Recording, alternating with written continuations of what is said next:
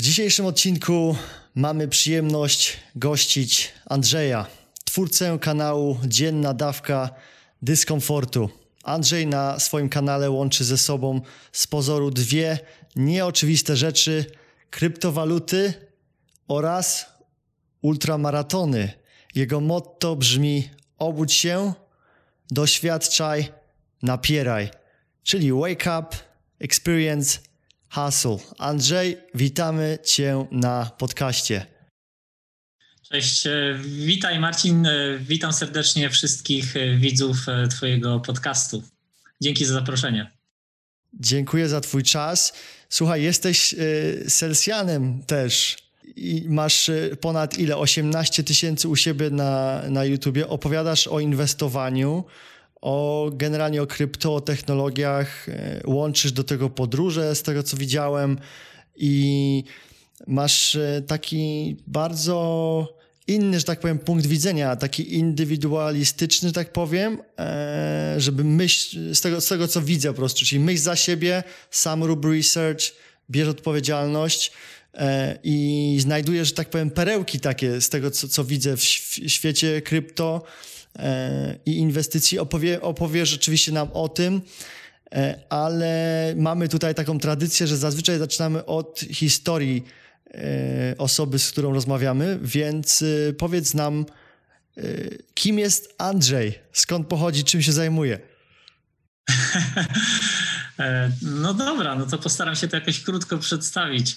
Andrzej, no pewnie warto byłoby zacząć, że spędził no dobrych kilkanaście lat w dużej korporacji, na, na różnych stanowiskach, bardzo fajne rzeczy, od technicznych, po delivery, po e, management na różnych szczeblach. E, no i to było super, super ciekawe. Natomiast w pewnym momencie e, tak naprawdę poszukiwałem czegoś nowego. No i też w pewnym momencie w tej korporacji troszeczkę tam się zapuściłem, tak? No to to była kwestia pracy, priorytetów i, i zagonienia. No i też w pewnym momencie w tej korporacji już tam pod koniec trafiłem na, na kryptowaluty, to był 2000 17 rok, e, zacząłem się w to wkręcać, e, no i też zacząłem dostrzegać, że tak naprawdę te, te najciekawsze rzeczy takie technologiczne dzieją się e, często w mniejszych, jakichś tam niszowych obszarach. W korporacjach to jest często, ale nie zawsze oczywiście na, na, na papierze. E, no i zdecydowałem się odejść. Jak odszedłem z tej korporacji, no to tak do końca, no to trochę te kryptowaluty, bieganie gdzieś tam było już długo, długo wcześniej u mnie. Stwierdziłem, że, że zajmę się jakoś może połączeniem tego. E, założyłem kanał na YouTubie, e, kanał się nazywa Dzienna Dawka Dyskomfortu, żeby tak naprawdę dać na siebie trochę taki bat, e, żeby po odejściu z takiego wygodnego, powiedzmy, trybu życia, chociaż on nie był do końca taki wygodny, ale powiedzmy, że był jednak e, jakąś tam wygodą, mieć jakiś bat, żeby coś robić, żeby to miał jakiś rytm, żeby też dawać jakąś szerszą wartość. E, no i ten kanał tam sobie ewoluował. Na początku był trochę o bieganiu, trochę o żywieniu, potem jednak się wkręciłem w te kryptowaluty na tyle bardzo, że zacząłem w zasadzie głównie nadawać na kryptowalut, o kryptowalutach na, na dziennej dawce no i do dzisiaj to wszystko tak miksuję. E, tak naprawdę staram się prowadzić e, zdrowy tryb życia, żeby nie dojść do tego miejsca, z którego wyszedłem, i 100 kg wagi, no i dbać tak ogólnie o swoje dobre samopoczucie i, i zarażać tym innych. No i tak, tak, taka jest moja historia. Robię to na YouTubie przez ostatnie w zasadzie 4, ponad 4 lata, czy, czy już 4,5 roku będzie, nawet nie liczyłem. No jest to mega fan. Rozpoznaję krypto, biegam, trochę, trochę jeżdżę, trochę, trochę staram się otworzyć ludziom oczy na to, że e, te ścieżki takie mniej standardowe, one też są interesujące. A jednocześnie sobie coraz szerzej na to oczy otwieram, bo odkrywam coraz nowe rzeczy. Super. Wiesz co, ja odkryłem ciebie poprzez to, że u nas ostatnio był na podcaście Aleks Maszyński, z, y, założyciel Celsjusza. I ja, słuchaj, e, pokazał mi się na YouTubie twój e, filmik jako rekomendowany. Wyobraź sobie. Okej. Okay. I ja wtedy sobie e, kliknąłem, odpaliłem, no i myślę sobie, kurczę, taki gość naprawdę pozytywny, mega pełny pasji i jeszcze rozmawia o Celsjuszu w Polsce, więc myślę sobie, zobaczę trochę więcej, no nie? I zacząłem się tak naprawdę oglądać, oglądać, oglądać i się wkręcać, bo bardzo fajnie taką energią zarażasz, e, jak po prostu podczas, nie wiem, to jest ten format, który jest fajny, że, że idziesz, jesteś w różnych miejscach, podróżujesz, fajnie jest tą kamerą w ogóle, do tego ta merytoryka e, i, i jak ty to po prostu wprowadzasz e, w, te, w ten świat krypto, tą twoją opinię i to mi się bardzo spodobało. Dojdziemy do tego zaraz. Wszystkich oczywiście odsyłamy też na Twój kanał, który tutaj e, podlinkujemy. Natomiast e, cofnijmy się troszeczkę jeszcze. Bo e, Ty tam powiedziałeś, że właśnie w tym korpo byłeś i my mamy tutaj właśnie kanał No Grucha my to nazywamy właśnie, to jest ten, y, ten punkt, że jesteś gruchą na no gruchę, czyli ty przeszedłeś z gruchy na no gruchę, więc gratuluję ci e, i, i, to jest doskonały też wzór. Do tego jeszcze e, tutaj porozmawiamy sobie o krypto, natomiast e, tak mówię, co, cofnijmy się. Jeżeli chodzi o, o, o, jeszcze o skąd jesteś w Polsce i jak, jak, jeżeli powiesz nam trochę może o, o dzieciństwie, o szkołach, jak to w ogóle, w jakim, w jakim kierunku szedłeś, się kształtowałeś? E, jasne. No, ja w tej chwili mieszkam w Warszawie, chociaż no, trochę podróżuję po, po różnych miejscach, więc z różnych miejsc nadaję. E, jeżeli chodzi o, o, o, dzieciństwo, no to ja zawsze byłem powiedzmy bardziej taki umysł analityczny, to znaczy raczej introwertyk, wkręcony w granie, mało, mało towarzyski, e, jakieś tam swoje zajawki rozkręcałem. Potem wybrałem oczywiście informatykę, studiowałem na Politechnice we Wrocławiu. Zresztą Wrocław e, serdecznie pozdrawiam i bardzo chętnie tam wracam. E, więc ja zawsze wierzyłem, że ja chcę być takim hardkorowym informatykiem, e, programistą i też te rzeczy robiłem długo. Robiłem je no, oczywiście na studiach, potem jakiś tam swój biznes próbowałem rozkręcić, potem jednak wkręciłem się w, w korporacje. Tam też trochę robiłem tej technologii od rzeczy związanych i, i z business intelligence, hurtownie danych, no ale jednak du, duża, duża moja tutaj potem ścieżka się przełączyła na bardziej delivery management, people management i nie mogę powiedzieć, że byłem dobry w tych technologiach. To znaczy nigdy to nie było e, tak, żeby było to dla mnie jakieś bardzo, bardzo E, na naturalne, e, powiedzmy to kodowanie, tak? Natomiast zawsze się czułem dobry w zrozumieniu, e, o co w tym chodzi i jak to może wnieść wartość do, do, do, do biznesu. No to tak chyba tyle, jeżeli chodzi o jakiś tam e, background. Ja, ja teraz w zasadzie powiedziałem, że ja mówię o inwestowaniu. Ja staram się na kanale nie mówić o inwestowaniu, e, bo po pierwsze, no, oczywiście to jest bardzo atrakcyjna część tego, co można robić z kryptowalutami i wielu z nas od tego zaczyna i przy tym pozostaje.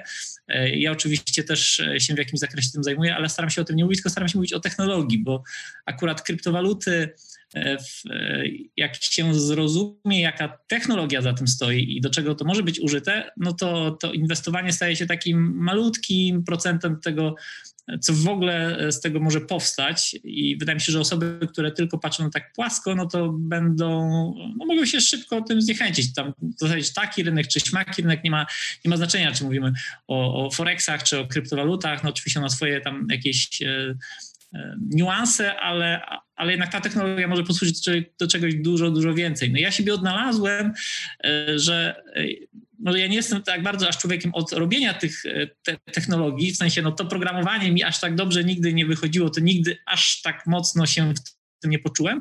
Natomiast tłumaczenie tego w jakiś w miarę przystępny sposób, praca z ludźmi, praca z jakimiś tam przypadkami biznesowymi, to jest coś, co bardziej mi kręci i wydaje mi się, że, że no w to po prostu poszedłem. E, no więc mówiąc o, o, tej technologii u siebie e, na kanale, staram się jakby pokazać ten link do świata rzeczywistego, żeby e, ludzie, którzy się rynkiem kryptowalut interesują, popatrzyli, do czego to może zostać użyte w realnym świecie, co na tym można zbudować, a nie tylko kup sprzedaj, bo to oczywiście jest ciekawym przypadkiem użycia, natomiast ta technologia otwiera dużo szersze możliwości i no mi to zajęło wiele lat, żeby to wszystko e, poznać i ciągle to poznaję, natomiast to jest bardzo, bardzo nienaturalne i powiem, że ze wszystkich technologii, z którymi miałem do czynienia, a, a parę dotknąłem, no to to jest najtrudniejsze do zrozumienia, bo to jest całkiem, jakby zmienia paradygmat patrzenia na, na, na, na świat technologii, tak to sobie nazwijmy.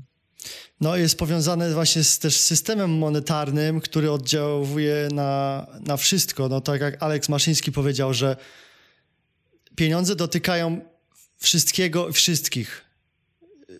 Transakcje są we wszystkim. I powiedział, że internet to było to była jedna rzecz, a właśnie internet pieniędzy to jest zupełnie kolejna rzecz, która jest na jeszcze większą skalę i dojdziemy do tego. Także e, wróćmy jeszcze teraz do tych e, twoich, e, do twojego biegania i ultramaratonów. I później sobie przejdziemy już swobodnie do technologii. Więc jak rozpoczęła się twoja przygoda z bieganiem i z ultramaratonami? Okej, okay. moja przygoda z bieganiem tak naprawdę jest bardzo długa, ale taka intensywna przygoda z bieganiem, no to trwa mniej więcej w tej chwili zdaje się, no 8 e, czy, czy 9 lat. Znaczy ja pierwsze jakby próby biegowe, takie, gdzieś tam biegałem regularnie przez wiele tygodni czy miesięcy, to była szkoła e, jeszcze średnia, potem studia, natomiast zawsze to się kończyło kontuzją. Bolało kolano najczęściej albo kostka. Natomiast myślałem, że po prostu tak mam, tak po prostu się nie nadaje do biegania, zarzucałem to, natomiast po roku, dwóch, trzech wracała znowu chęć i znowu się wkręcałem na miesiąc, dwa, czy trzy, czy pół roku i znowu kontuzja. No więc na długo, długo to zostawiłem. Potem jak e, zacząłem wspomnianą pracę już, już dla, dla jakby no, na etacie, na, w korporacji, no to moja waga e, doszła do, do 100 kilo. No i w pewnym momencie jakby było tak, że nie no, to, to już jakby stówka, to już jest zbyt okrągła liczba i widziałem, że trend jest nie w tą stronę. E, zacząłem sporo na ten temat e, czytać. E, w zasadzie wykupiłem wszystkie książki, które wtedy były na rynku, a był to gdzieś tam rok 2011-2012. Wyczytałem to wszystko, sporo oglądałem na, na YouTubie. No i zacząłem drobnymi krokami sobie biegać, tak żeby no, spróbować się nie kontuzjować tym razem, żeby zrzucić tą wagę. Taki był mój pod, jakby ten pierwsza, pierwsza motywacja. No i od moje pierwsze biegi to były 3-5 e, kilometrów i tak mnie coś bolało, tak? Znaczy i tak jakieś tam do, jakby miałem e, dolegliwości. Kolega, który już dużo biegał, jak się go radziłem, to co mam robić, zresztą po, po, pozdrawiam, e, tutaj myślę, że wie o kogo chodzi, to mówił, no to mniej biegaj, zmniejsz dystans, wolniej biegaj. No i to mi się wydawało całkowicie dziwne, natomiast posłuchałem tych rad i faktycznie zacząłem biegać mniej, żeby móc biegać więcej, więc potem jak już doszedłem do takiej jakby swojej normy, że 10 km mogłem przebiec, zacząłem zwiększać dobra, to półmaraton, potem maraton, e, potem półmaraton, maraton na jakiś tam czas, starałem się swoje jakieś życiowe cele w tym maratonie na 3 godziny złamać, w, pół, półmaratonie e, na półtorej godziny, potem jak to osiągnąłem kilka razy, no to stwierdziłem, dobra, to teraz możemy wydłużać ten dystans. E, ten mój kolega, który tutaj mnie zarażał też między innymi tym bieganiem, inspirował tak do takich dłuższych biegów, no to biegał już właśnie ultramaratony i to dla mnie w ogóle było co to jest ultramaraton i po co, po co tam setki kilometrów po tych górach jeszcze do tego biegać. Natomiast jak się tego spróbuje, no to faktycznie to jest mega fajne. E, no i ultramaratony biegam, myślę, że z, w sumie nie, nie patrzyłem, kiedy pierwszy ultramaraton. Ultramaraton jest wszystko dłuższe od maratonu, czyli wszystko dłuższe od 42 km, no, natomiast takie typowe ultramaratony no to jest powiedzmy w granicach 100 km i więcej. No i najczęściej się odbywają po górach, ale, ale nie zawsze, czasami gdzieś tam po pustyniach, a czasami po płaskim. Natomiast ja lubię te po górach. E, no to to uprawiam pewnie z ostatnie 5-6 e, lat i przyszło to naturalnie jako podnoszenie samemu sobie poprzeczki, ale też szukanie nowych doznań, szukanie kontaktu z naturą, to jest po prostu e, wychodzisz w góry i e, no, można dużo więcej zobaczyć w tym czasie, że tak powiem. Czyli łączenie, że tak powiem, tematów, bo widzę właśnie, że to się zaczęło trochę od bólu, przez to, że byłeś w tym miejscu tam, gdzie byłeś, ta grucha się tam dołożyła do tego i to 100 kilo, i, i, przy tym to bieganie to było może taka ucieczka trochę do tego, żeby to wszystko połączyć, tak? Żeby też aktywnie zacząć e, e, żyć, taki lifestyle po prostu zrobić. A jeszcze ciekawe, bo mieliśmy tutaj właśnie ostatnio Pawła Matnera. Może sobie posłuchasz podcastu i w ogóle, jeżeli, jeżeli jesteś zainteresowany. I on się specjalizuje w tym, że biegasz bez kontuzji. I on się, on jest do tego fizjoterapeutą, no mega gość, słuchaj, po prostu jeżeli chodzi o bieganie, to jest majstersztyk. Także jeżeli chciałbyś sobie zerknąć, to bardzo polecam właśnie jego kanał. Ma też, e, no, e, nie wiem, chyba z 11 tysięcy osób na YouTubie. No i wszystko, no, wszystko o bieganiu i on się specjalizuje właśnie w kontuzjach. W tym. Ludzie do niego przychodzą, jak mają jakieś, jakieś kontuzje, bóle, i on sobie właśnie e, z nimi pracuje i, i, i, i, i także polecam ci bardzo, jeżeli o to chodzi. No, bardzo fajną książką, tak. Ja na pewno zerknę na, na, e, na ten kanał. E, też dla osób, które powiedzmy bieganiem się interesują, no to taką książką na faktach, no to jest Urodzeni Biegacze i ona dużo mówi na temat tego, jak bardzo nam został, e, że tak powiem, wepchnięty produkt w postaci wygodny, amortyzowany but i z mojego doświadczenia również to jest e, przyczyna wielu kontuzji. Ja tak naprawdę biegam w tej chwili minimalistycznie, e, no, może nie, nie na boso, chociaż zdarza mi się też, ale wywalenie butów, które są zbyt amortyzowane, Oczywiście to trzeba zrobić stopniowo i trzeba wiedzieć, co się robi. Eliminuje masę kontuzji. Tak naprawdę chodzi o to, żebyśmy uruchomili nasze E, naszą naturalną e, mechanikę i motorykę, a nie wspomagali się znowu e, takim fast foodowym. Ja, ja lubię używać jakby to porównanie do fast foodu, bo jakby but amortyzowany jest fast foodem, który dla biegaczy jest odchodzących od biurka i jest często możliwością niedoznawania kontuzji przez chwilę, ale tak naprawdę on źle wpływa najczęściej na, na to, jak się ruszamy i te kontuzje E, pojawiają się e, po jakimś czasie, więc e, te też takim bieganiem bezkontuzyjnym się sporo interesuje z racji tego, że no długo miałem kontuzję. Natomiast no teraz biegnąc 100 kilometrów nie boli mnie kolano, nie boli mnie nic. Ostatnio taki bieg zrobiłem dookoła Mont Blanc. No i po dwóch dniach byłem rzeźki, tak? Znaczy to, to da się biegać długo, nawet dla osób, które być może nie wierzą w to dzisiaj, da się biegać długie dystanse i nie doznawać kontuzji. Natomiast no, to jest jakaś tam droga, którą trzeba przejść i chętnie zerknę na e, tutaj te, te, ten kanał, który polecasz, bo, bo, to jest tematyka, która na pewno mnie kręci i wiem, że e, wiem, że można to robić zdrowo. Na pewno tam znajdziesz e, value, a powiedz mi teraz i, i wartość dla siebie w tym kontekście. Powiedz mi teraz, jaka, jaka obecnie waga jest jak u ciebie? E, no tak między 67 a 70 kilo. Ja już tego aż tak bardzo nie, nie kontroluję, ale, ale utrzymuje się mi się gdzieś tam w tym przedziale od e, wielu, wielu lat. Ile się trzeba przygotowywać do takiego biegu 100 kilometrów, czy, czy więcej nawet? Krótka odpowiedź, e, całe życie, bo to nie jest tak, że zawsze, kiedykolwiek będziesz przygotowany, natomiast takie bezpośrednie przygotowania odpowiedź troszeczkę inaczej ujmę. My w danym momencie naszego, e, powiedzmy, na naszego życia czy naszej kondycji jesteśmy w stanie przebiec jakiś dystans bądź przejść jakiś dystans. E, niech to będzie 10, 20 albo 40 czy, czy 100 kilometrów. W zależności od tego, jak się czujemy, jakie, jaką mamy kondycję, jak są silne nasze mięśnie, stawy i tak dalej.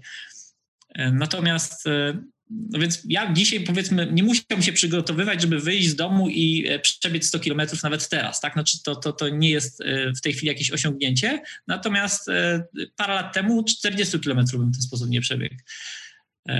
Ale samo przygotowywanie się do startu w jakimś biegu, bo zapewne w tą stronę idzie Twoje pytanie, czyli że chcemy dać z siebie maksymalne możliwości, na przykład na dystansie 100 km albo na maratonie, no to zwykle jest okres od 3 do 6 E, miesięcy. To jest już jakby specyficzny trening w zależności od tego startu, czy to jest bieg górski, czy to jest bieg jakiś tam właśnie półmaraton, maraton.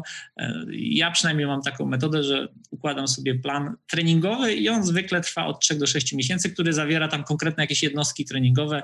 To mogą być jakieś e, podbiegi, to mogą być jakaś wytrzymałość tempowa i w oparciu o to trenuję dosyć nieustępliwie. Ale to jest tylko i wyłącznie po to, by mieć pewny, że mi ten bieg pójdzie lepiej, by spróbować dać z siebie maksimum możliwości na danym starcie. Natomiast jeżeli powiedzmy osoba dzisiaj e, nawet nie biega, będzie w stanie przejść 10 km na pieszo, no to być może jest w stanie nawet ukończyć niektóre biegi, bo te biegi mogą być na tyle tolerancyjne co do czasów, że, że da się zrobić go w 10, że da się te, te 10 km przejść i ciągle ukończyć to w jakimś tam limicie e, czasowym.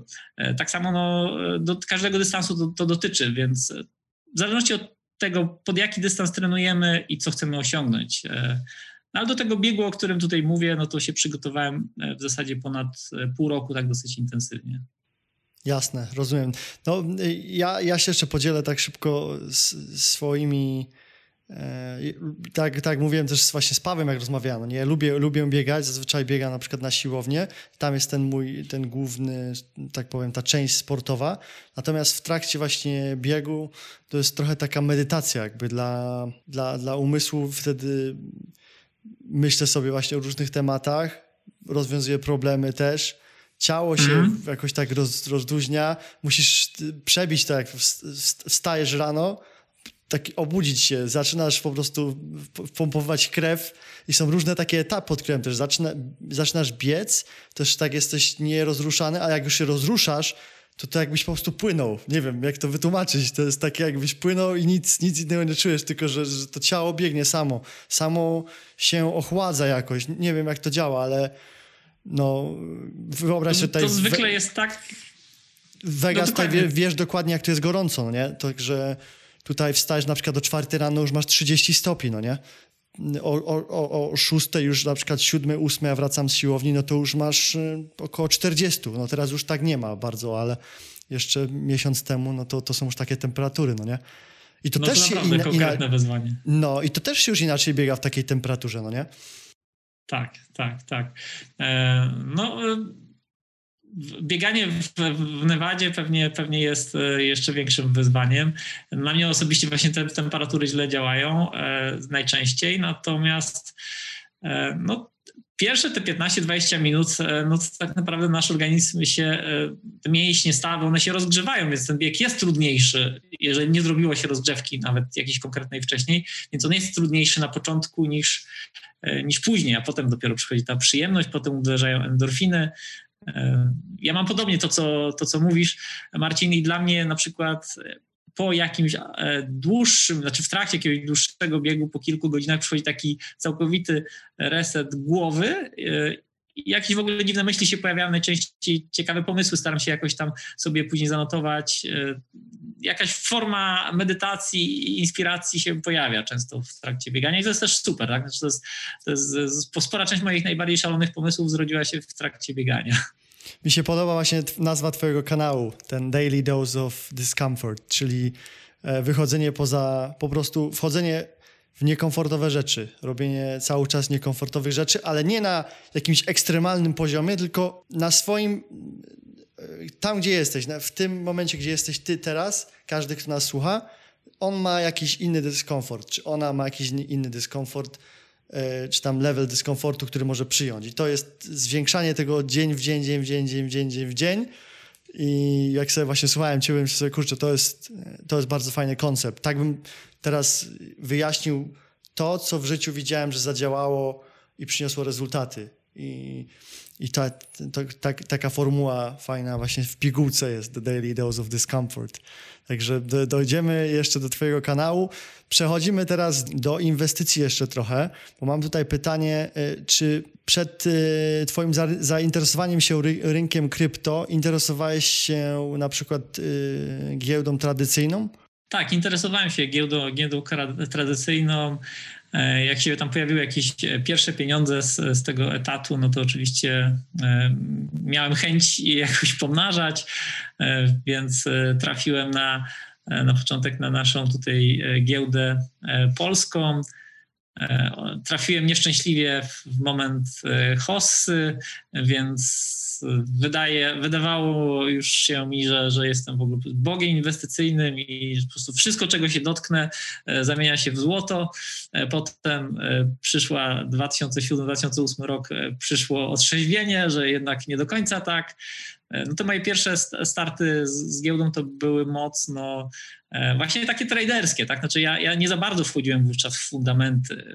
Wiedziałem tam z grubsza, czym się dana spółka zajmuje, ale, ale nie analizowałem tego fundamentalnie, analizowałem to bardziej e, tak e, spekulacyjnie po wykresach i wiem, jakie są jakby narzędzia do tego, wiem, jakie są w tym pułapki. E, wtedy jeszcze na tych rynkach powiedzmy mniej rządziły algorytmy, więc jeszcze było trochę łatwiej. Potem gdzieś tam się też wciągnąłem w rynki forexowe, więc jakby tą przygodę traderską z innymi rynkami również mam. I jak wchodziłem w, w krypto, to wiedziałem, że jakby chciałbym to zrobić inaczej. więc, więc te moje doświadczenia też myślę, że gdzieś tam staram się przemycać, aczkolwiek, no nie wiem, do, do bycia dobrym traderem wydaje mi się, że trzeba mieć pewnego rodzaju inną głowę, być może niż ja mam. Natomiast e, to pomaga, tak? Znaczy oczywiście znajomość wszelkiego rodzaju e, technologii i narzędzi do, do tradowania, to to jest też rzecz e, przydatna. Ale tak, mam, mam doświadczenie z innymi rynkami. Dobra, fajnie, bo chciałem właśnie, żebyśmy wiedzieli też, czy ty zacząłeś od krypto, czy wcześniej właśnie giełda, bo ja na, ja na przykład zacząłem już od krypto. Dla mnie pierwsza w ogóle, pierwsza styczność z, z rynkiem inwestowania to było właśnie krypto. No oczywiście kapitał y, zarobiłem tak, tak jak ty, zresztą pierwsze, wiesz, w pracy na etacie, później jako freelancer, a później już swoją firmę otworzyłem i, i, i właśnie tak ten kapitał zarabiałem. No ale właśnie to, to pomnażanie dopiero przyszło i myślę sobie, wiesz, krypto. Pamiętam jeszcze XRP gdzieś tam w 2018 gdzieś tam się kupowałem, czy, czy, czy, czy, czy coś. To, tak tradowanie trochę było. Nie rozumiałem w ogóle tej technologii i, i, i, nic z tym związanego. No ale teraz już od tego roku mm, jestem bardziej, że tak powiem, e, nastawiony na, na ten, ten twój koncept, czyli uczenia się o tej technologii, patrzenia, co, co to jest, e, niż tylko cena. Oczywiście inwestowanie jest częścią tego ważną. E, ale przejdźmy teraz do e, Twojego kanału YouTube, czy do Twojego motto, czy do Twojego hasła, które często pojawia się tam, właśnie na tym kanale YouTube, czyli obudź się, doświadczaj, napieraj.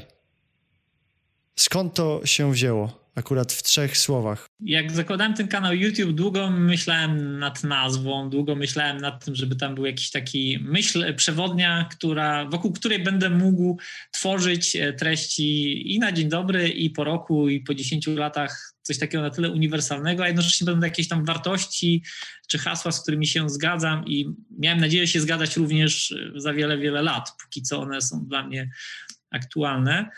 E, więc e, no najpierw ta nazwa dzienna dawka dyskomfortu, no to tak jak wspomniałem już, to był przede wszystkim dyskomfort e, dla mnie, żeby, żeby sobie stawiać te wyzwania codziennie, żeby, żeby chciało mi się coś nowego robić.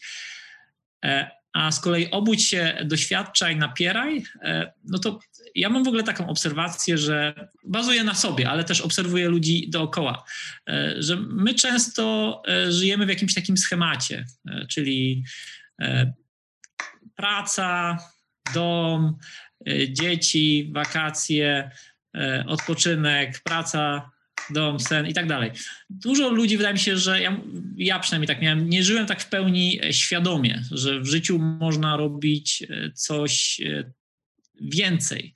No i to jest powiedzmy ta część obudź się, czyli spojrzenie na, na życie takim szerszym wzrokiem obudzenie się z takiego powiedzmy e, hamster wheela, z tego, z tego e, chomiczej e, klatki, z tej chomiczej karuzeli. Doświadczaj, czyli żeby niekoniecznie się skupiać na, na osiąganiu jakichś wielkich celów, bo tak naprawdę życie toczy się dookoła i dużą umiejętnością jest obserwacja tego i cieszenie się tym, co jakby widzimy, a niekoniecznie osiąganiem jakichś tam większych e, celi, chociaż oczywiście to jest już zależne od tego, jakie kto ma aspiracje. E, a napieraj, no to taka wytrwałość, e, niepoddawanie się. No tak jakoś mi te hasła zarezonowały, spisywałem sobie na karteczce, różne wersje były, zostało na obudź się, doświadczaj, napieraj, czyli żebyśmy wyszli z takiego schematu myślowego. On tyczy się zarówno jedzenia, on tyczy się odżywiania, on tyczy się sportu, on tyczy się E, pracy. E, lubimy powtarzać schematy jako ludzie. E, jesteśmy często uwięzieni w, w tych schematach. To jest nasza taka nieświadoma klatka.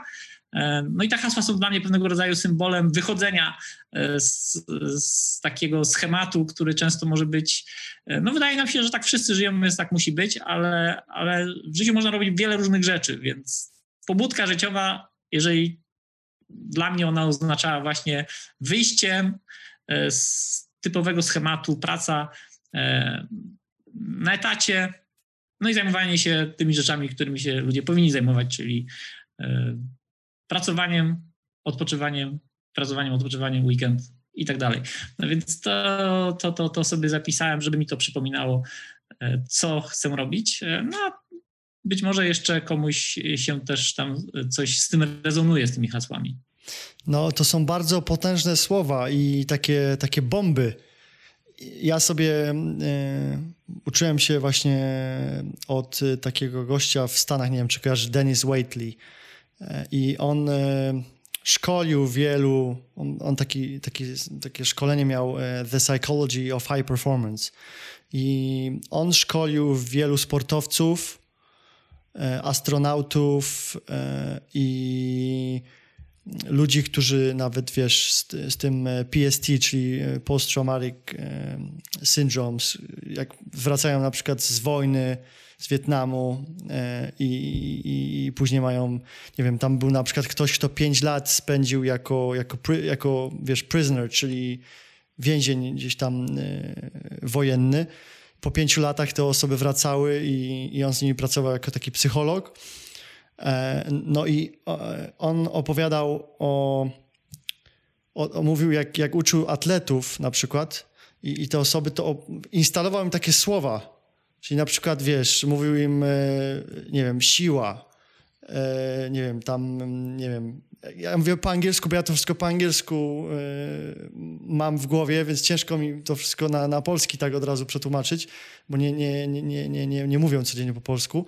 Natomiast on takie po prostu, takie słowa bomby, na przykład siła, nie wiem, extend, czyli, że, że nie wiem, roz, jakieś tam rozszerzenie, no nie? I mm, co, coś takiego. Mówi, żeby, że właśnie atleci sobie te słowa mają i dla nich to się sprowadza w takie pigułki i oni sobie to powtarzają w głowie, no nie? I, i to się zaczyna, to, nie wiem, to, to jest po prostu takie, jakaś kotwica czy coś takiego do, e, do tego, żeby sobie większe koncepty sprowadzać. Więc to jest, to jest ciekawe właśnie.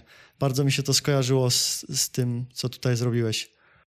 No, e, mi, mi się wydaje, że e, właśnie, nie wiem, ja mogę mówić, mogę mówić o, o sobie. E, żywiłem się fast foodem niekoniecznie tym najgorszej jakości fast foodem, ale takim jedzeniem, powiedzmy, które jesteś w stanie łatwo dostać w sklepie czy gdzieś e, w restauracji i ono niekoniecznie jest zdrowe.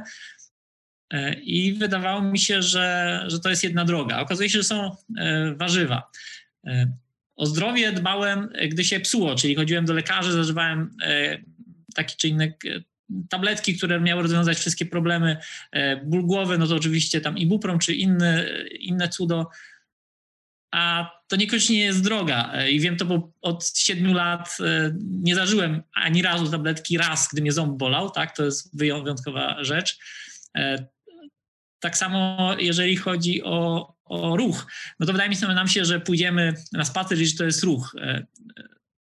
To są schematy myślowe, które ja musiałem sobie przełamać, żeby je przełamać, musiałem trochę poeksperymentować i e, zawierzyć różnym e, freakom z internetu, że faktycznie e, można inaczej. No i po czasie, tak mówię z perspektywy tych 7-8 lat, wiem, że życie jakby tak trochę na własnych zasadach, poza jakby tymi utartymi konwenansami, jest często bardziej wartościowe. I, no i ta pobudka dla mnie, powiedzmy, nastąpiła ileś tam lat temu. E, no i chciałbym znowu nie zasnąć, tak? To, to jakby ja sobie głównie tym przypominam, ale wiem, że też ludzie pod, pod filmami zostawiają komentarze, że, że im to pomaga też jakoś e, znaleźć e, nowe drogi. Powiem ci, że wracając sobie jeszcze do, do, do tego, jak cię wyglądałem, to ja tam widzę po prostu pasję. Tam jest pasja, ty, jak, jak to robisz, to, to, to widać, że tą, tą wiedzę, którą wziąłeś, teraz masz tą, tą pasję, żeby, te, pff, żeby ją wyrzucić podczas, podczas tego właśnie, jak idziesz nagrywać, to, to, to, to się czuje, tą energię się bez wątpienia czuje i to jest naprawdę e, naprawdę fajne. Taki widzisz gość, norm, tak jeszcze raz powtarzam to, normalny gość we flow jest w tym, co robi. e, i jeszcze to jest e, powiązane z, z technologią, z czymś, co się rozwija, przyszło, z przyszłością, z teraźniejszością w ogóle. E, I przechodzimy teraz do, do, do krypto. Znowu odwracamy się. I powiedz mi, e, dlaczego uwierzyłeś w ogóle w wartość kryptowalut? Na początku nie uwierzyłem. to znaczy, pierwsze zetknięcie się z rynkiem krypto, żeby powiedzieć, dlaczego uwierzyłem, muszę powiedzieć, dlaczego nie uwierzyłem. E, pierwsze zetknięcie się z, z, z, kryptowalutami, czy też z bitcoinem, e, to było gdzieś tam, nawet roku nie pamiętam, ale to był 2014-2015, zapewne gdzieś tam bitcoin szedł od 100 do 1000 dolarów, ktoś mi tam e, zaczął wspominać, ja zacząłem na to sobie patrzeć, no ale no tak, to jest taka jakbyś tam bańka, e, pieniądze internetu, przecież to jest nic nie warte, gość, którego nikt nie zna, e, więc odrzucałem ten koncept na zasadzie, a nie, jakby pewnie się spóźniłem na, na, ten, na ten pociąg e, i było to dla mnie mocno spekulacyjne.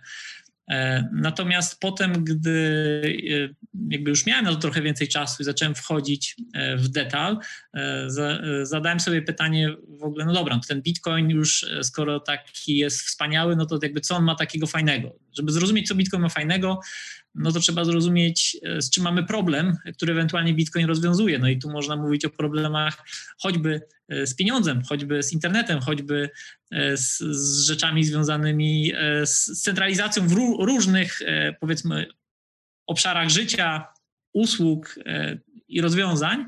No i Bitcoin część z tych problemów jest w stanie rozwiązać. Natomiast, żeby to, żeby to zrozumieć, no to mi to zajęło ileś tam no, miesięcy czy też lat, ja to do dzisiaj staram się jakby cały czas zgłębiać, żeby zrozumieć, czym jest Bitcoin, że to nie jest tylko jakby aset, który możesz kupić, sprzedać drożej i tak dalej, ale że za tym stoi jakiś, jakiś fundament e, i to jest sieć, na której e, powstają kolejne warstwy, kolejne rozwiązania.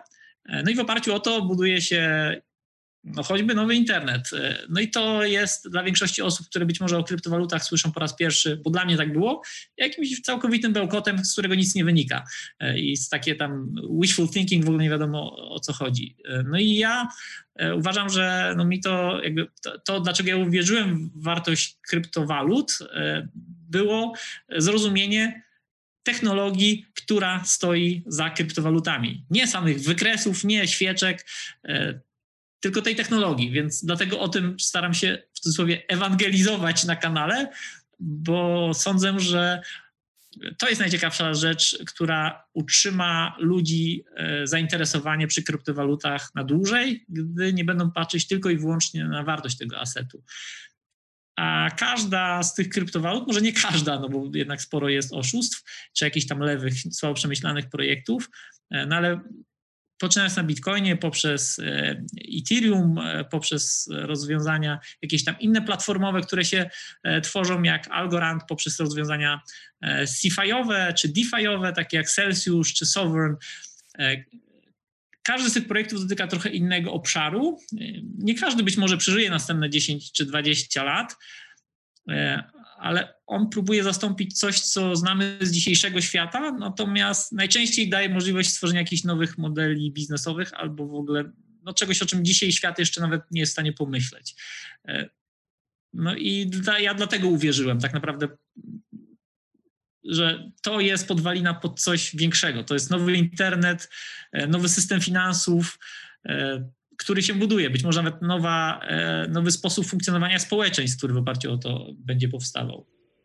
I bardzo ciekawe community w ogóle wokół tego jest. Ja widzę taką nową, świeżą energię. E, patrzę sobie na, na system bankowości, widzę takie, wiesz, legacy, za, za, za, zaległe, po prostu stare systemy, które bardzo ciężko no, no, nie potrafią innowacji wprowadzić. E, jest to, tak powiedziałeś, scentralizowane bardzo mocno e, i, no, i, i ten e, Bitcoin właśnie, czy, czy krypto, ogólnie blockchain rozwiązuje wiele problemów. Powiedz mi, czy mógłbyś jakiś tutaj dać główny problem, który, który według ciebie rozwiązuje na przykład nie wiem, blockchain czy, czy Bitcoin, nie wiem e, jak tutaj zahaczyć o to, ale powiedzmy, że, że Bitcoin, bo jest, bo jest tą, tą pierwszą flagową, że tak powiem, e, kryptowalutą, która nigdy nie została sakowana i zużywa, zużywa najwięcej energii. Ostatnio El Salvador w ogóle wprowadził jako już oficjalną walutę, to jeszcze też sobie porozmawiamy. Ale jaki właśnie największy problem według ciebie, no nie? No moim zdaniem e, problem, który atakuje E, Bitcoin to jest e, problem z e, obecnym pieniądzem, z obecnym systemem finansowym, który no, długo funkcjonował, powiedzmy, że dobrze, do momentu aż przestał. To znaczy pieniądz fiducjarny, tak jak, jak znamy złotówka, dolar, euro, wstawcie sobie dowolną walutę, on nie jest zabezpieczony no, niczym, tak jak Bitcoin. E, natomiast on ma e, problemy natury takiej, że jest w rękach najczęściej banków e, centralnych, które mogą kreować większą ilość tego pieniądza, co ostatnio czynią. Takim dobrym pretekstem był kryzys 2008 roku, obecne zawirowania, które znamy też dalej zastymulowały kreowanie nowego pieniądza. No i mamy w zasadzie od 2008 roku e, bazę monetarną e, pieniądza M2 w Stanach Zjednoczonych, tego przykładu tutaj użyję, jest pięciokrotnie się powiększyła. Gospodarka nie urosła pięciokrotnie raczej, z tego co wiem, od 2008 roku. Więc jest masowy dodruk e, pieniądza fiducjarnego w zasadzie, w, no może nie w każdej, ale w większości gospodarek, co rozwadnia nasze oszczędności, e, co tak naprawdę e, no jest dużym zagrożeniem dla szarego Kowalskiego.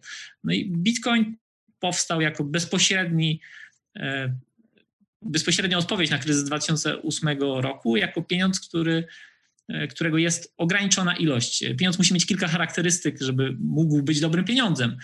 E, pieniądz powinien być e, rzadki, powinien być ograniczony, powinien być podzielny na jakieś drobniejsze jednostki, powinien być e, rozpoznawalny, powinien być łatwo, łatwy do przenoszenia, by mógł pełnić swoje trzy główne funkcje, czyli to store of value, unit of exchange i measure of value, czyli pieniądz powinien nam umożliwić, żebyśmy zmierzyli, zmierzyli wartość w oparciu o niego, wymienili jakieś towary czy usługi, bądź się zakupili, no i by nam przechowywał tą wartość. No i z racji tego, co się dzieje z obecnym pieniądzem fiducjarnym, on przestał spełniać część e, z tych funkcji. My jeszcze tego nie widzimy.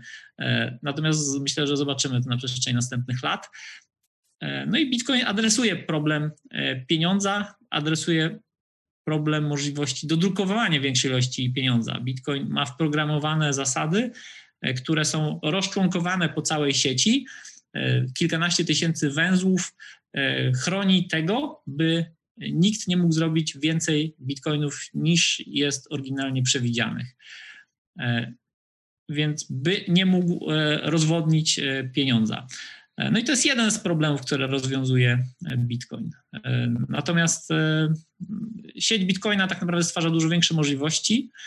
Mm, język skryptowy, który ma Bitcoin, powiedzmy, ogranicza to, co można na tej sieci zbudować, Natomiast e, są rozwiązania na kolejnych warstwach e, Bitcoina, które dostarczają możliwość sprogramowania większej ilości rzeczy na bazie Bitcoina. Ja chciałem jeszcze tutaj e, nawiązać do tego, co, co ty mówiłeś, bo ja to sprowadzam do takiego czegoś, jak nauka o w ogóle czym jest pieniądz. Ja, okej, okay, wiedziałem, że, że jest pieniądz wcześniej, nie wiem, jakiś rok temu jeszcze, 8 miesięcy temu ale nie wiedziałem w ogóle, tak jak ty mówisz, no nie, że, że na przykład banki centralne mogą sobie z powietrza wrzucić 40% na przykład y, do, y, do, dorzucić do systemu, no nie? I teraz taki człowiek jak ja, y, czy, czy ktoś inny myśli sobie, no dobra, ale to co, co zmieniło? Tego w ogóle nie widać, to jest tak jak ten duch, no nie? Ale dam konkretny przykład z serii, jest taka seria Mike Maloney na, na, na YouTubie, on opowiada właśnie, e, to się nazywa Ukryte sekrety pieniądza. I on tam podaje przykład swojego ojca, słuchaj, gdzie w, tysiąc, w Stanach e, w 1955 roku jego ojciec, on ma wydruk, jak jego ojciec zarabiał wtedy, ma pokazany dokument 9600 y, coś tam 50 dolarów to, było jego, to był jego roczny zarobek. Tyle, to jest tyle, ile wynosił z pracy. Jako y, osoba, która y, była, wiesz co, menadżerem chyba gdzieś tam, y, co, menadżerem jakimś po prostu, wiesz, zwykłym pracownikiem. I, I to była jego pensja. Teraz, czy wiesz, ile kosztował wiesz, ile kosztował dom, żeby kupić, który jego ojciec kupił w tym, w tym, w tym roku? I on to też ma wydruk. Ile... Mhm. No powiedz. No, strzelaj. W tym roku. Ile, ile kosztował dom, taki taka rodzinny dom, który teraz kosztowałby powiedzmy, nie wiem, 300-400 tysięcy dolarów. Zgadnij. Który to był rok? 1955. No nie wiem, z 10 razy mniej pewnie. Mhm. I powiem, powiem ci tak, y, przeciętna wtedy y, takiego, takiego domu y, to było w stanie chyba w, w, w, Kalifornii gdzieś, to on zapłacił wtedy za, za ten dom jakieś 11 tysięcy dolarów. Czyli pomyśl sobie, rok pracujesz na to, żeby kupić całe, cały dom.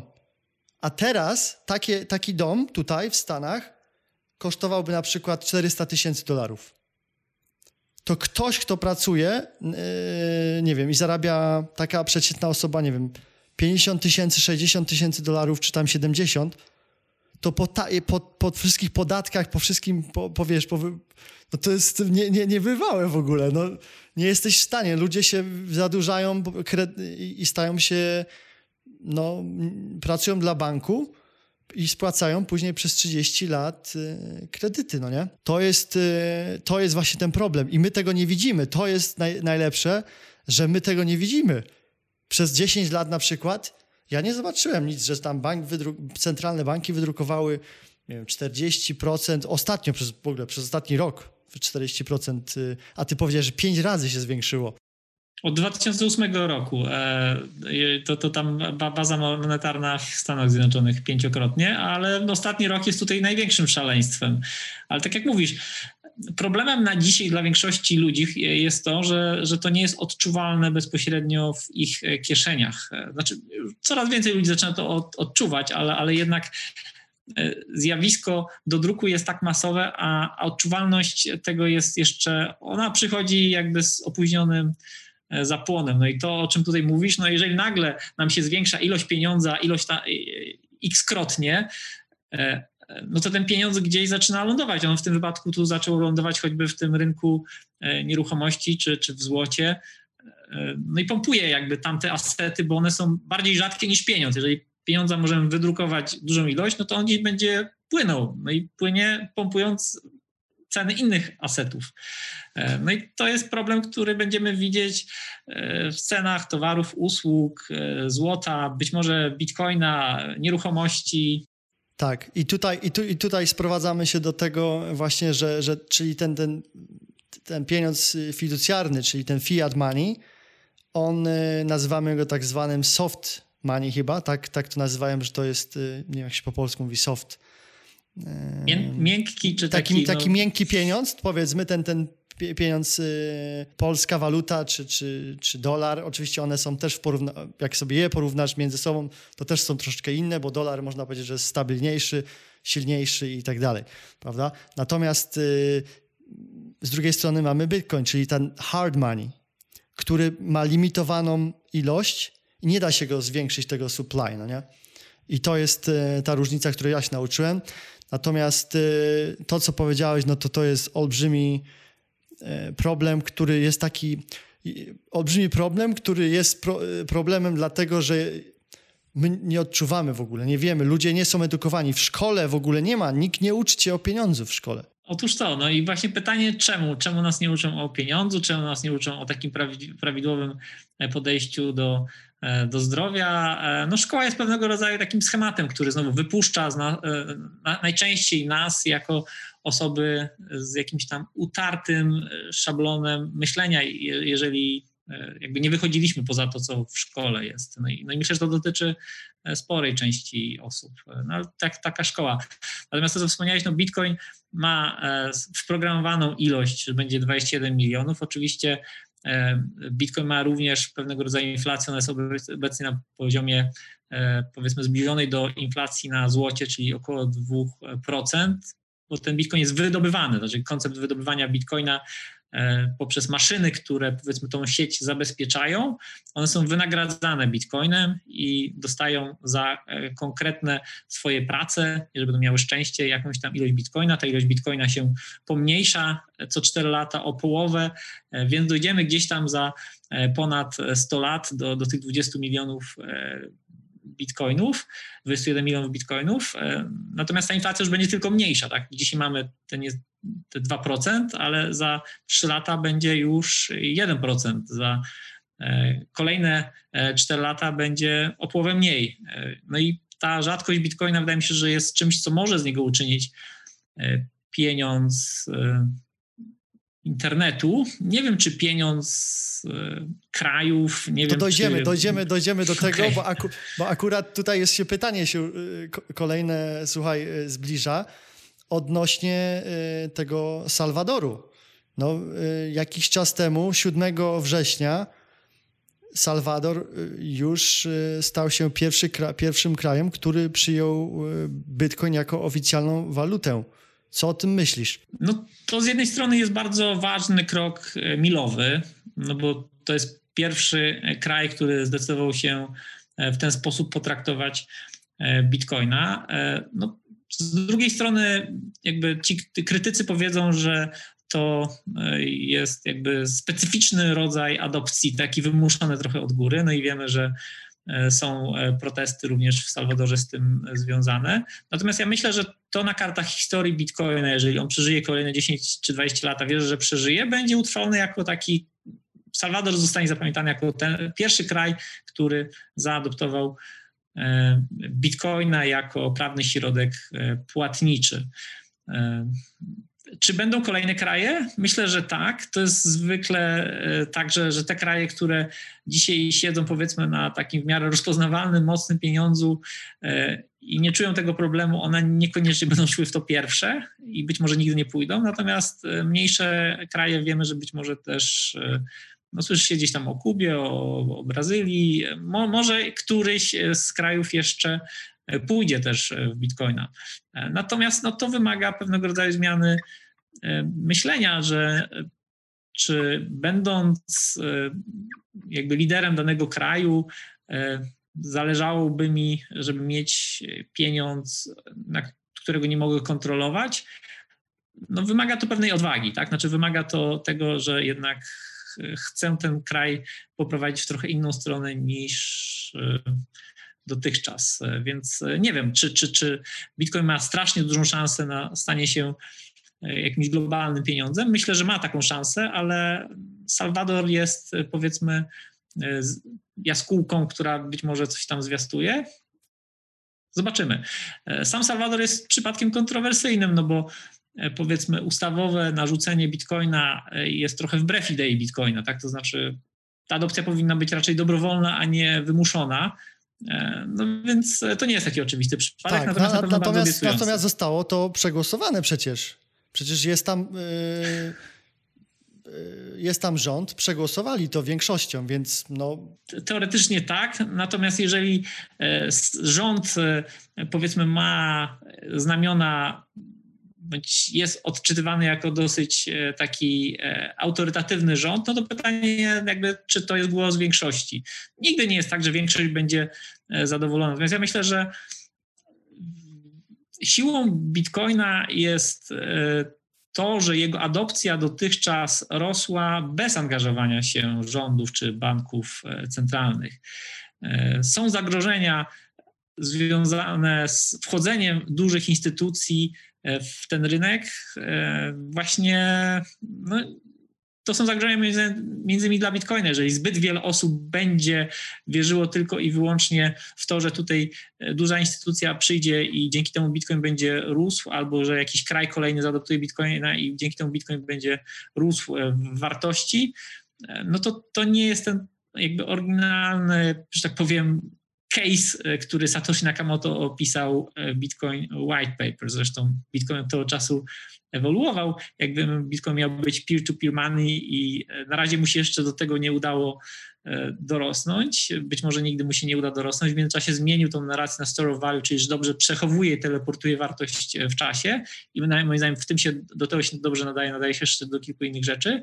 Natomiast to miała być alternatywa do obecnego systemu finansowego. Jeżeli jakiś kraj zdecyduje się skorzystać z tej alternatywy i zastąpić swój pieniądz fiducjarny bitcoinem, i będzie to bardziej inicjatywa oddolna, nie odgórna, no to tak, to, to wydaje mi się, że, że jest to też ciekawy kierunek dla Bitcoina, ale, ale nie opierałbym na tym jakichś wielkich nadziei.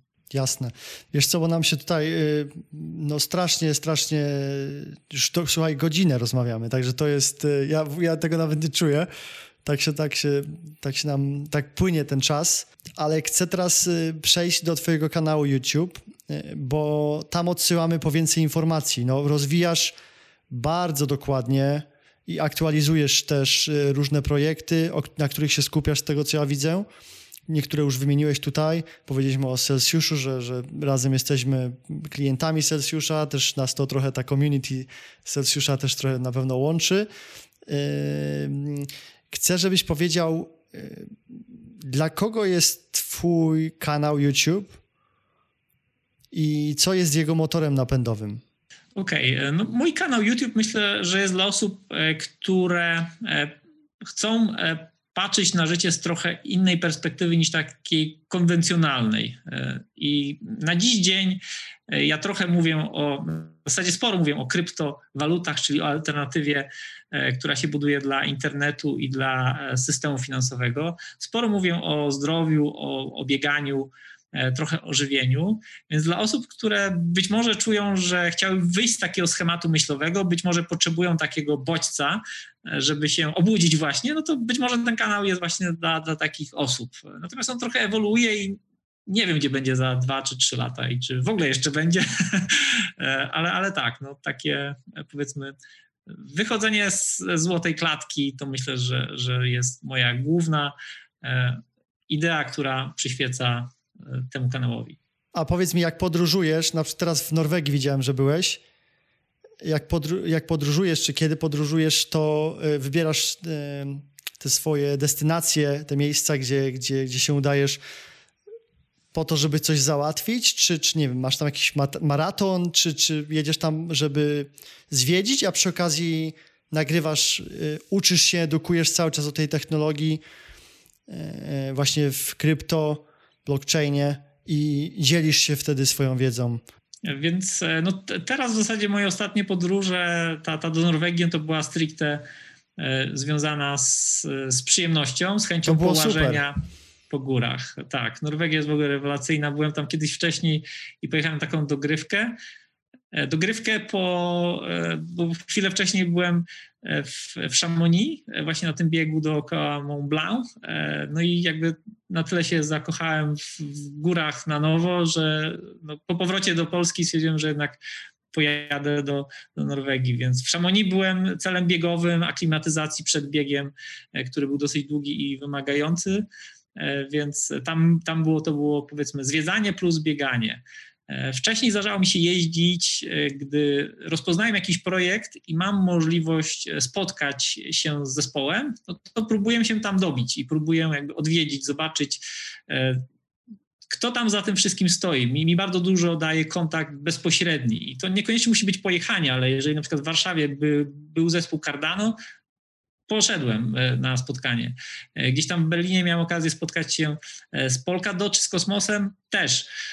Super. Jeżeli miałem projekt jakiś, z którym się, że tak powiem, miałem okazję zweryfikować, kto tam za tym projektem stoi w Toronto, no to też tam starałem się Spotkałeś się z, po prostu wycieczkę. Z, z Celsjuszem też się spotkałeś? Spotkałeś no właśnie tego żałuję. Tego żałuję, że no ja byłem w Nowym Jorku, ale nie odezwałem się wówczas do Alexa. Tam jakby miałem inne priorytety i Celsjusza nie spotkałem, ale no myślę, że to nadrobię. Jasne, no na pewno oni się teraz rozwijają. Opowiedz proszę e, trochę więcej o właśnie o Celsjuszu. Jak ty ten projekt znalazłeś? Wiemy, że Celsjusz Alex promuje Huddle, czyli Y, trzymaj, trzymaj, nie sprzedawaj, trzymaj. Ich misją jest to, żebyś ty, żebyśmy więcej mieli tych y, krypto przez, przez to, że właśnie tam stejkujemy, czyli mamy jakby procent dostajemy za to, że trzymamy swoje kryp, krypto tam y, właśnie na tym Celsjuszu. Podziel się może w kilku zdaniach, bo u ciebie oczywiście odsyłamy o, po więcej informacji na, na kanale. Masz wiele, wiele filmików, kilka, kilka godzin pewnie. Mhm. E, no więc e, moje znalezienie Celsjusza to jest chyba gdzieś tam rok 2018, już miesiąca dokładnie nie. nie Początki same. Sobie. To były bardzo początki. Tam było, nie wiem, kilkanaście tysięcy. To prawdopodobnie tysięcy... byłeś jednym z pierwszych Polaków w ogóle, który rejestrował się Mogło tak być. Myślę, że na pewno byłem pierwszy na, na polskim YouTubie, który coś nagrał o Celsjuszu, ale nagrałem to chyba dopiero w 2019 roku, bo moje pierwsze zetknięcie z Celsjuszem było. E, ja zawsze jestem bardzo podejrzliwy do takich platform, gdzie e, no wiadomo, są różne skamy. Masz komuś wpłacić swoje środki, on obraca, wypłaca, e, jakby lampka mi się od razu za, zaświeciła. Natomiast rozpoznawawcze wcześniej platformy typu Compound, Maker, czyli takie DeFi typowe, gdzie jakby można e, swoje środki w postaci krypto bądź stable wpłacać, one coś tam e, generują, można przy tej pomocy również generować jakiś, jakiś yield, e, procentowanie po prostu na skutek działania jakichś tam smart kontraktów i pożyczek i tak dalej.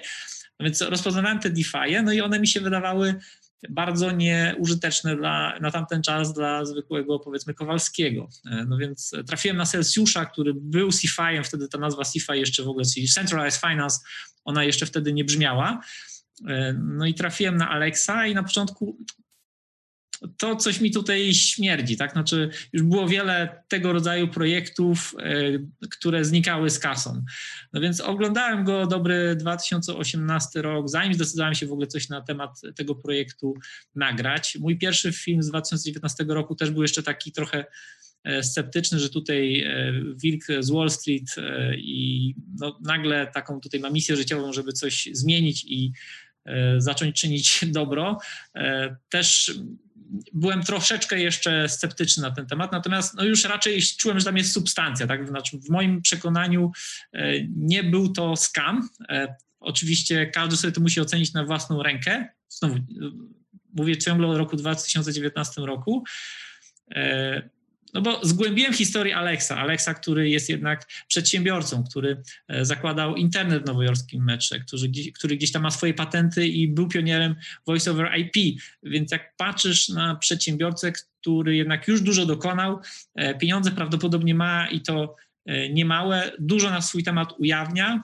Z, no tak, zdradził, narracja... zdradził, zdradził, że jest miliarderem. Właśnie mówił, że jest na liście 400 najbogatszych y, Amerykaninów, natomiast on tam nie afiszuje z tym, no nie wiesz, on się tam spotyka z tymi miliarderami na Hampton w Nowym Jorku, no to jest bardzo taki, wiesz, yy, gościu yy, low, low key, taki low level, ale teraz się zaczął wy, wiesz, yy, wychodzić, bo on musi promować tą, tą markę i on wie teraz, że on musi budować swoją markę i zaufanie na podstawie wszystkiego to, co zrobił. I te, też ostatnio wspominał, że że nikt go nie zna, w ogóle nikt Celsjusza nie zna. Oni gdzieś idą tam, słyszy, ktoś tam słyszał o Celsjuszu, ale to, to oni są jeszcze na początku strasznie, wiesz, wczesnym bardzo. Także proszę kontynuuj. To, dokładnie. Znaczy Celsius ma milion użytkowników, z tego pewnie tam e, niecałe 400 tysięcy aktywnych, więc e, to e, koło napędowe, ono zaczyna działać i rozpoznawalność zaczyna się pojawiać. Natomiast Celsius nigdy nie inwestował w jakiś agresywny marketing, co dla mnie właśnie było e, takim punktem na plus, czyli brak agresywnego marketingu i osoba e, Aleksa Maszyńskiego jako jakby już e, osoby spełnionej biznesowo i przedsiębiorcy, który już wiele rzeczy dokonał, no to jakby sprawiło, że ja wszedłem od podejrzliwości do zrozumienia, no dobra, no to jak to tam wszystko działa bardziej w bebechach, zacząłem to wszystko rozkminiać, jak działa ich model biznesowy, no i ten e, Celsius względem tych DeFi na tamten etap wydał mi się po prostu bardziej przyjazny dla kogoś, kto wchodzi do świata kryptowalut i niekoniecznie te wszystkie niuanse jest w stanie zrozumieć i wystawia siebie na, na, na zagrożenia poprzez niewłaściwe operowanie swoimi chociażby kluczami e, prywatnymi. Więc poczułem, że w tym coś może być. Poczułem, że warto e, nagrać pierwszy film i zobaczyć w ogóle, jak to zostanie przyjęte przez społeczność. Ja swój kanał YouTube często e, traktuję jako, jak ja już coś uwierzę, na pewno u mnie na YouTubie nie ma niczego, w co ja bym nie wierzył, coś, co jakby, a dobra, ktoś mi zapłacił, takich rzeczy nigdy nie robię, w związku z tym wrzucę film, albo zrobiłem research, projekt jest taki sobie, ale już zrobiłem, więc wrzucę. Takich rzeczy u mnie nie ma coś, co ja wrzucam, przeszło mój osobisty filtr. Nie znaczy, że to jest dobry projekt, natomiast ja w niego na pewno uwierzyłem i często robię to też po to, bo jest masa rzeczy, które ja dostaję od społeczności w komentarzach, sugestii, jakieś porównania, co mnie naprowadza na jakieś nowe tropy, więc wrzucę ten pierwszy film o Celsjuszu, Pierwszy film o Celsjuszu przyjął się e, w miarę dobrze. Moje rozpoznawanie tej platformy dalej postępowało. Celsius sam w sobie dużo ciekawych rzeczy robił, zarówno jeżeli chodzi o samą platformę, jeżeli chodzi o e, zdobywanie nowych klientów. Widziałem ten, ten trend, a jednocześnie widziałem ciągle to niedocenienie względem innych platform, które w tym obszarze e, działały. To, to jest zawsze coś, czego ja poszukuję, takiego czegoś, taka perełka, która wyrasta, a jeszcze nikt o niej nie wie. No i wciągnąłem się w, w Celsjusza na tyle, że no dzisiaj, do dzisiaj jest na moim e, e, talerzu. E, dzisiaj już jakby ja osobiście nie mam wątpliwości, że, czy to jest legitny projekt, czy nie, natomiast oczywiście zagrożeń z tą platformą jest masa. Ostatnio nagrałem film o zagrożeniach regulacyjnych, które w tej chwili się na platformy typu CeFi, ale nie tylko, to samo będzie dotyczyło DeFi'u, pojawiają. Im większe ma platforma asety, tym bardziej jest zagrożeniem dla obecnego systemu, więc regulatorzy chcą to e, uregulować, ale też oczywiście hakerzy się tym coraz bardziej będą interesowali, więc należy na to wszystko jeszcze popatrzeć ciągle z takim e, jakby wylać sobie to wiadro zimnej wody na głowę, ja też muszę sobie o tym przypominać. Natomiast platforma ma szansę zastąpić tą usługę, którą banki przestały oferować, czyli powierzamy im środki, banki tymi środkami obracają, e, no i nie dają nam nic. E, Celsius też mu powierzamy środki, to są kryptowaluty, stablecoiny. E, Celsius tymi środkami obraca, no i daje nam 80% zysku, który wygeneruje, 20 bierze dla siebie. Więc no, to jest ten generowanie yieldu, to, to jest coś, wydaje mi się, co większość ludzi, która jakieś oszczędności zaczyna mieć, chciałaby, żeby te oszczędności no, co najmniej nie topniały, a najlepiej pracowały na siebie. No i to jest coś, co daje Celsius. E, inne platformy też próbują pójść tym case'em, scentralizowane i zdecentralizowane, każdy ma swoje plusy i minusy. Natomiast e, no Celsius moim zdaniem jest dosyć przyjazny, jeżeli chodzi o, o to podejście do użytkownika i naprawdę mają takie, wydaje mi się, że dobre intencje, no ale to każdy musi sobie sam pooceniać. Platforma jest interesująca, moim zdaniem. Tak, właśnie podoba mi się, że ty jako jedyny w Polsce dokumentujesz to, co oni robią i myślę, że będziesz fajnym takim e, liderem, że tak powiem, na Polskę, jeżeli chodzi o community w ogóle Celsiusza. To jest, e, ja ci tak widzę jako właśnie takiego messengera e, Celsiusza na, na Polskę, który przekazuje te informacje i no, to, fa fajne to jest. Jak będę w Polsce, na pewno będziemy coś musieli też razem spotkać się w Warszawie i nagrać. Jeszcze zobaczymy, gdzie wtedy ten projekt będzie. E, tak jak powiedziałeś, teraz z regulacjami ostatnio właśnie były problemy. E, co myślisz o decyzji tego SEC-u względem e, Coinbase'a, żeby zakazać im tego programu lendingowego? No właśnie, to jest w zasadzie nie zaskakujące, tak? No bo teraz, e, jeżeli e, mamy platformę jak Coinbase, która ma 50 e, kilka milionów użytkowników, dużo z tych użytkowników jest w Stanach Zjednoczonych, teraz nagle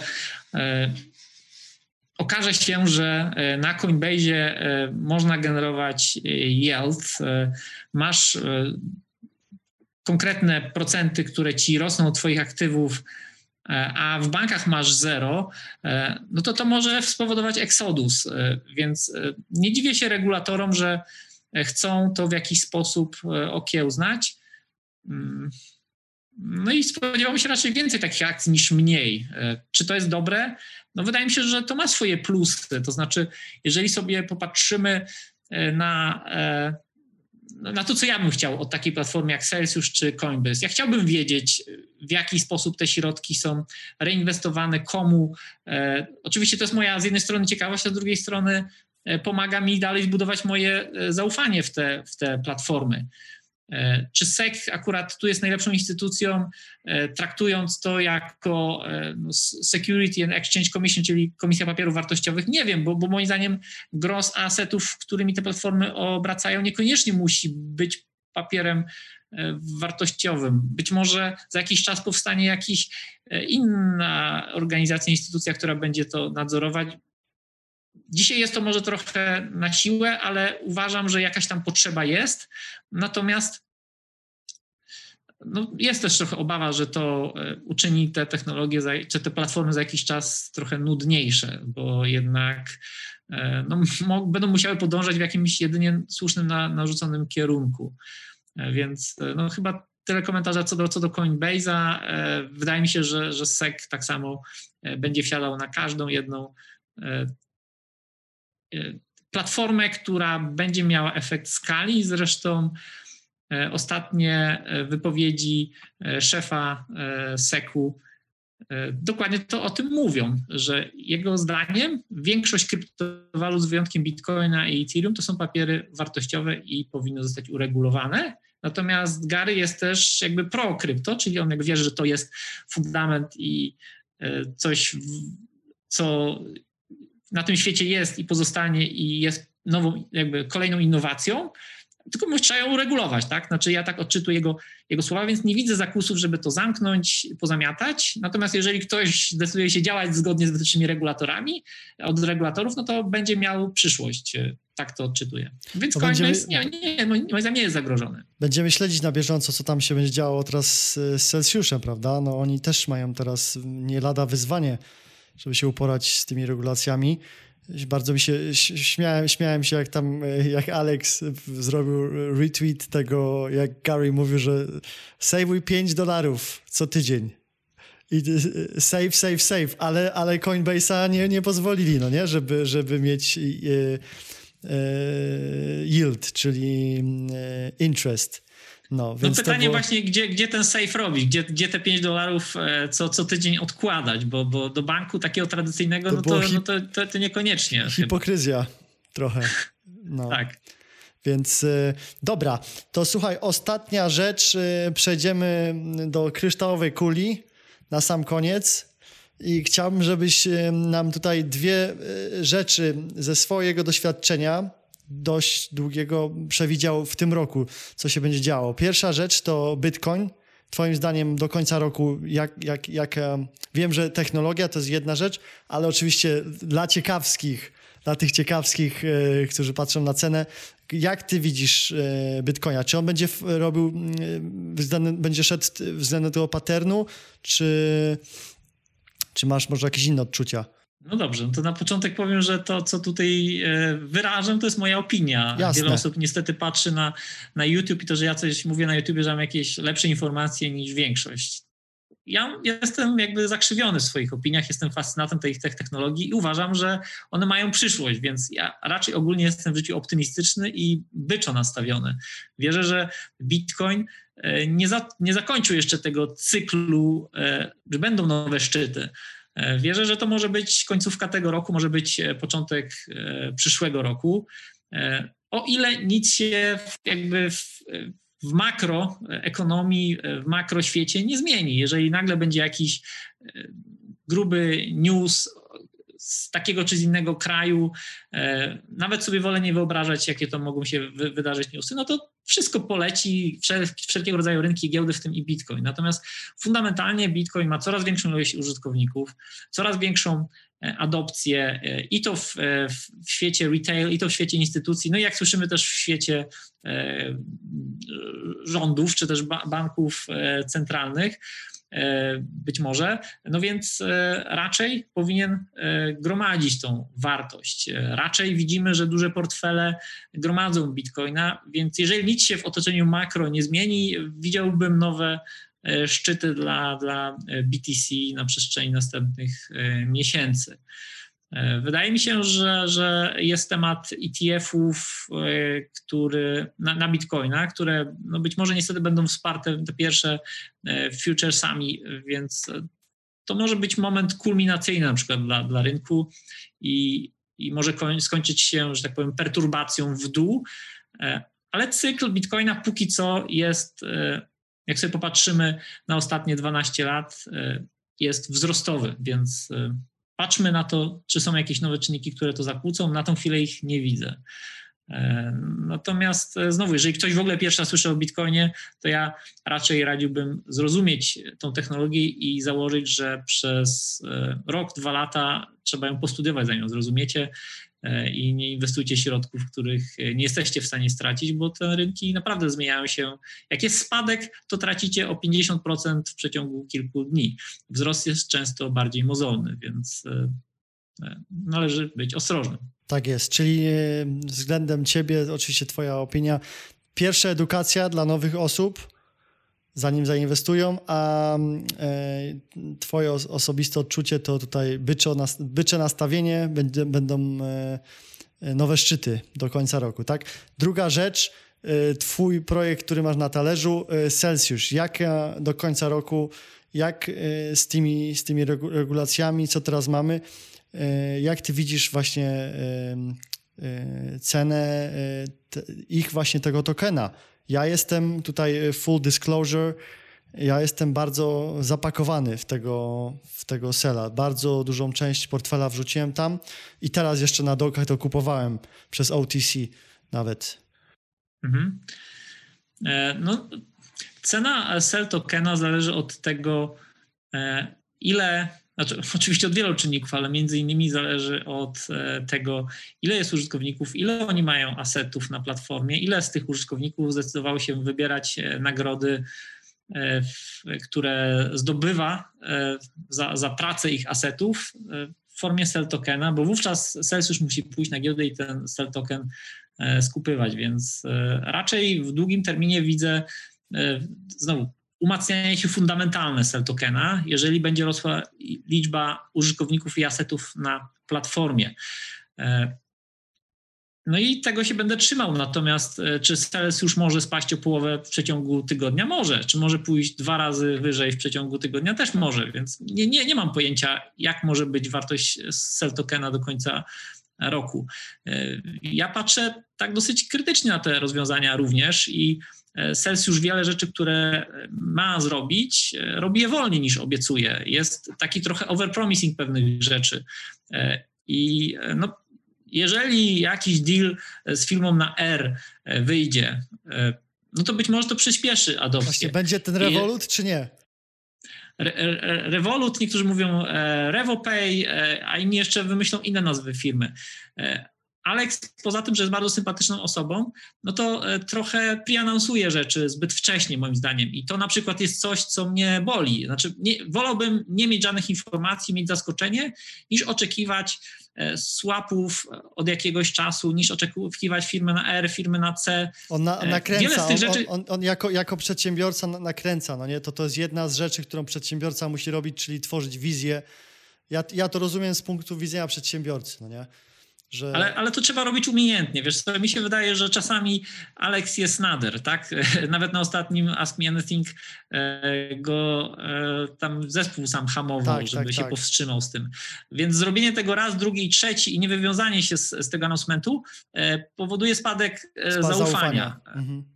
Więc ja, ja nie wiem, wiesz, no to, to jakby jeżeli firma na R okaże się duża i przyniesie 10 milionów użytkowników, no to być może e, i faktycznie będzie na przykład korzystała z usług e, generowania yieldu na Celsiuszu, no to być może Celsius e, zyska adopcję, zyska wartość. Ale jak się okaże, że będziemy to przyciągać do końca roku i jeszcze o pół roku dłużej, no to być może część osób straci cierpliwość i naciśnie guzik sell, więc sell na sell. Więc tutaj mam większe obawy, żeby predykcje robić na sell token względem, e, względem Bitcoina na przykład, e, bo jednak Celsius jest dużo, dużo młodszym projektem niż e, Bitcoin. Ja w Celsiusa jako platformę bardzo wierzę, uważam, że kierunek rozwoju ma dobry, uważam, że ma dobrego lidera, natomiast jest trochę nieprzewidywalna co do tego, co się kiedy wydarzy. E, no i to dotyczy, jakby to nie jest żadne, jakby tutaj krytyka względem stricte Celsiusza. Mamy platformy jak Algorandy, Polkadoty, Cardano. E, można wstawić tutaj masę platform, które też robią e, nadzieję, a jakby to delivery przychodzi później, bo jest to ciężka technologia, zbudować coś jest e, trudno, e, często jest jakiś projekt R&D, często są obostrzenia regulacyjne, często są partnerzy, którzy muszą się zgodzić, by coś zaanonsować, więc ja to wszystko rozumiem, że to zajmuje czas. Natomiast e, mam mniejszą akceptację do preanonsowania rzeczy, które się nie wydarzają i to ileś razy z rzędu. Tak, a zwłaszcza, że tam też Alex mówił, no nie, że te deale już są podpisane, no nie, więc jak, skoro są podpisane, no to można by to było chyba jakoś ustrukturyzować trochę lepiej, no nie? I tak powiedziałeś, y, bardziej y, dokładnie to zaplanować, no nie? Żeby to faktycznie jednak się y, stało. Więc ja no tutaj się zgadzam pod tym, pod tym względem, więc mam tak jakby z dwóch perspektyw to i fajnie daje mi właśnie to też oglądanie twojego kanału z twojej perspektywy, bo ty zasysasz te informacje i później wypluwasz przez ten swój filtr i to jest, e, to jest ta wartość.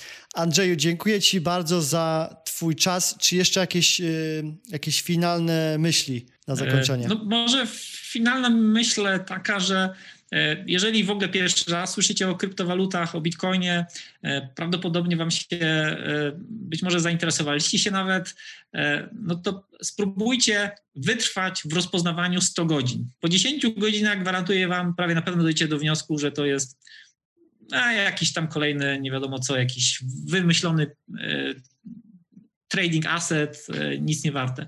E, zdajcie sobie trud 100 godzin, żeby przeskoczyć przez ten próg poznawczy, odrzucić wasze dotychczasowe paradygmaty i zrozumieć, co na tej bazie może się zbudować. I potem się jakby dojdziecie do kolejnych tysiąca godzin i wydaje mi się, że już zostaniecie w tym na dłużej i prawdopodobnie wam to wyjdzie na dobre, bo jesteśmy ciągle bardzo wcześnie w tym trendzie kryptowalut. Taka rada, jeżeli chodzi o świat krypto, e, a jeżeli chodzi o, o zdrowie i bieganie, no to wydaje mi się, że też e, przed tym komputerem nie, nie, nie warto aż tyle czasu spędzać, warto oderwać się od tutaj tego ekranu i zobaczyć, co tam na dworze w świecie rzeczywistym jest.